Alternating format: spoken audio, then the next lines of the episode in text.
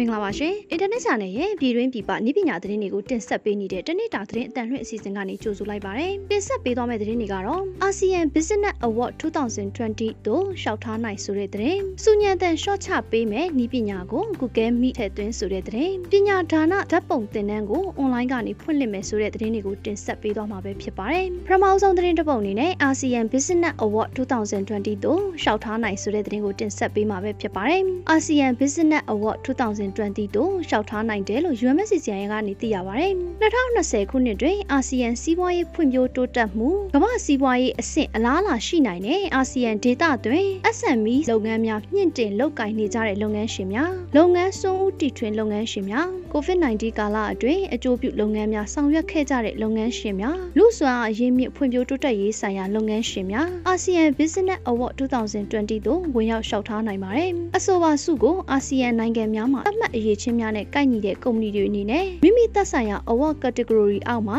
ရှောက်ထားနိုင်ပါတယ်။ရှောက်လွှာမှာပြည်စုံစွာဖြစ်ဆက်ပြီးတော့2020ခုနှစ်အောက်တိုဘာလ9ရက်မတိုင်မီတိုက်ရိုက်ရှောက်ထားနိုင်ပြီးတော့လုပ်ငန်းရှင်တွေအနေနဲ့အသေးစိတ်အချက်လက်တွေကို www.apa2020.vn/en/registratation မှာဝင်ရောက်လေ့လာနိုင်ပါတယ်။ဆက်လက်ပြီးစုညံတန် short ချပေးမဲ့နည်းပညာကို Google Meet ထည့်သွင်းဆိုတဲ့သတင်းကိုတင်ဆက်ပေးမှာပဲဖြစ်ပါတယ်။ Google ဟာအနောက်အရှက်စုညံတန်တွေကိုဖယ်ထုတ်ပေးမဲ့နည်းပညာကိုဇွန်လမှာ desktop အတွက်ဖြန့်ပြီးတဲ့နောက်မှာ Android နဲ့ iOS အတွက်လည်းဖြန့်ချီလိုက်ပါပြီ။ Google Meet ဝန်ဆောင်မှုမှာကျောင်းနဲ့ပညာသင်ကြားလိုသူတွေအတွက်လာရောက်သူအစီရင်ခံစာကိုလည်းထည့်သွင်းလိုက်ပါပြီ။ Google Meet ကပတ်ဝန်းကျင်မျိုးစုံကနောက်ခံအတန်တွေကိုစစ်ထုတ်ပေးနိုင်ပါတယ်။ကီးဘုတ်ရိုက်တန်တကားအဖွင့်အပိတ်လောက်တာနဲ့ Braille ပေါက်အပြင်ဘက်ကစောက်လို့ရည်အတန်တွေကိုလည်းစစ်ထုတ်ပေးနိုင်ပါတယ်။ Google ရဲ့ Cloud အခြေခံ AI ကတော့စူညံသက်အားလုံးစစ်ထုတ်ပေးနိုင်ပါတယ်။အဲ့ဒီအတွက်မိုးတွေက setting တွေက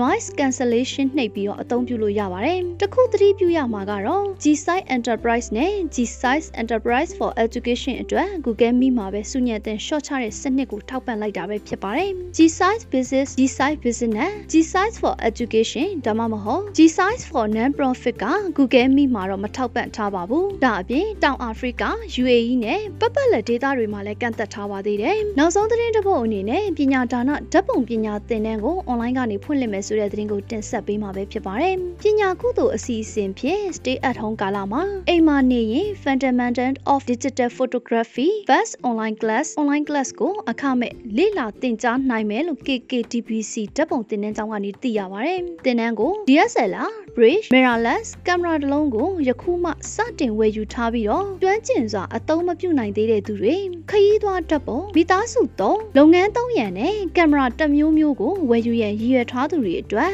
အဝယ်မမားစေဖို့နဲ့အခြေခံဓာတ်ပုံပညာကိုကင်မရာမဝယ်ခင်ကတည်းကကြိုတင်သင်ကြားသိရှိထားစေရန်ဓာတ်ပုံပညာကိုအမှန်တကယ်စိတ်ဝင်စားပြီးတော့စနစ်တကျယခုမှစတင်လေ့လာသင်ကြားလိုသူတွေတက်ရောက်နိုင်မှာဖြစ်တယ်လို့လည်းသိရပါတယ် DSLR ကင်မရာအမျိုးမျိုးနဲ့ကင်မရာများကင်တွယ်အသုံးပြုခြင်း aperture shutter ISO exposure EV PSA and mode daring focusing histogram exposure compensation BKT AEP RGB white balance how to take a good photo visit ပုံကောင်းတပုံရိုက်ကူးခြင်းစတာတွေကိုပညာဒါနအခမဲ့တက်ရောက်နိုင်မှာပဲဖြစ်ပါတယ်။သင်တန်းကိုအော်တိုဘာလ၁ရက်ကနေစတင်သင်ကြားမှာဖြစ်ပြီးတော့စိတ်ဝင်စားစွာနဲ့သင်ခန်းစာတွေကိုလိုက်ပါလေ့ကျင့်နိုင်သူလက်တွေ့သင်ခန်းစာတွေကိုအောင်မြင်သူဖြစ်ပါက Fundamentals of Digital Photography Online Class Fundamentals of Digital Photography Online Class 3သင်တန်းတွေကိုပါအခမဲ့ဆက်လက်တက်ရောက်ခွင့်ပြုသွားမှာဖြစ်တယ်လို့လည်းသိရပါတယ်။အသေးစိတ်ကိုဖုန်း39 234 255ကိုဆက်သွယ်စုံစမ်းမေးမြန်းနိုင်ပါတယ်။အခုတင်ဆက်ပေးသွားတဲ့သတင်းတွေကနိုင်ငံတကာနဲ့ပြည်တွင်းမှာရရှိထားတဲ့နည်းပညာသတင်းတွေကိုအင်တာနက်ဂျာနယ်ကနေတင်ဆက်လိုက်တာပဲဖြစ်ပါတယ်။အခုလို COVID-19 ဖြစ်ပေါ်နေတဲ့ကာလမှာပြည်သက်တွေအနေနဲ့လည်းကျန်းမာရေးနဲ့အာသာဝန်ကြီးဌာနရဲ့လက်ညှိုးမှုတွေနဲ့အညီလိုက်နာဆောင်ရွက်ခါနေထိုင်သွားလာဖို့တိုက်တွန်းလိုက်ပါတယ်။ကျွန်မကတော့ဝေမြင့်မှုပါ။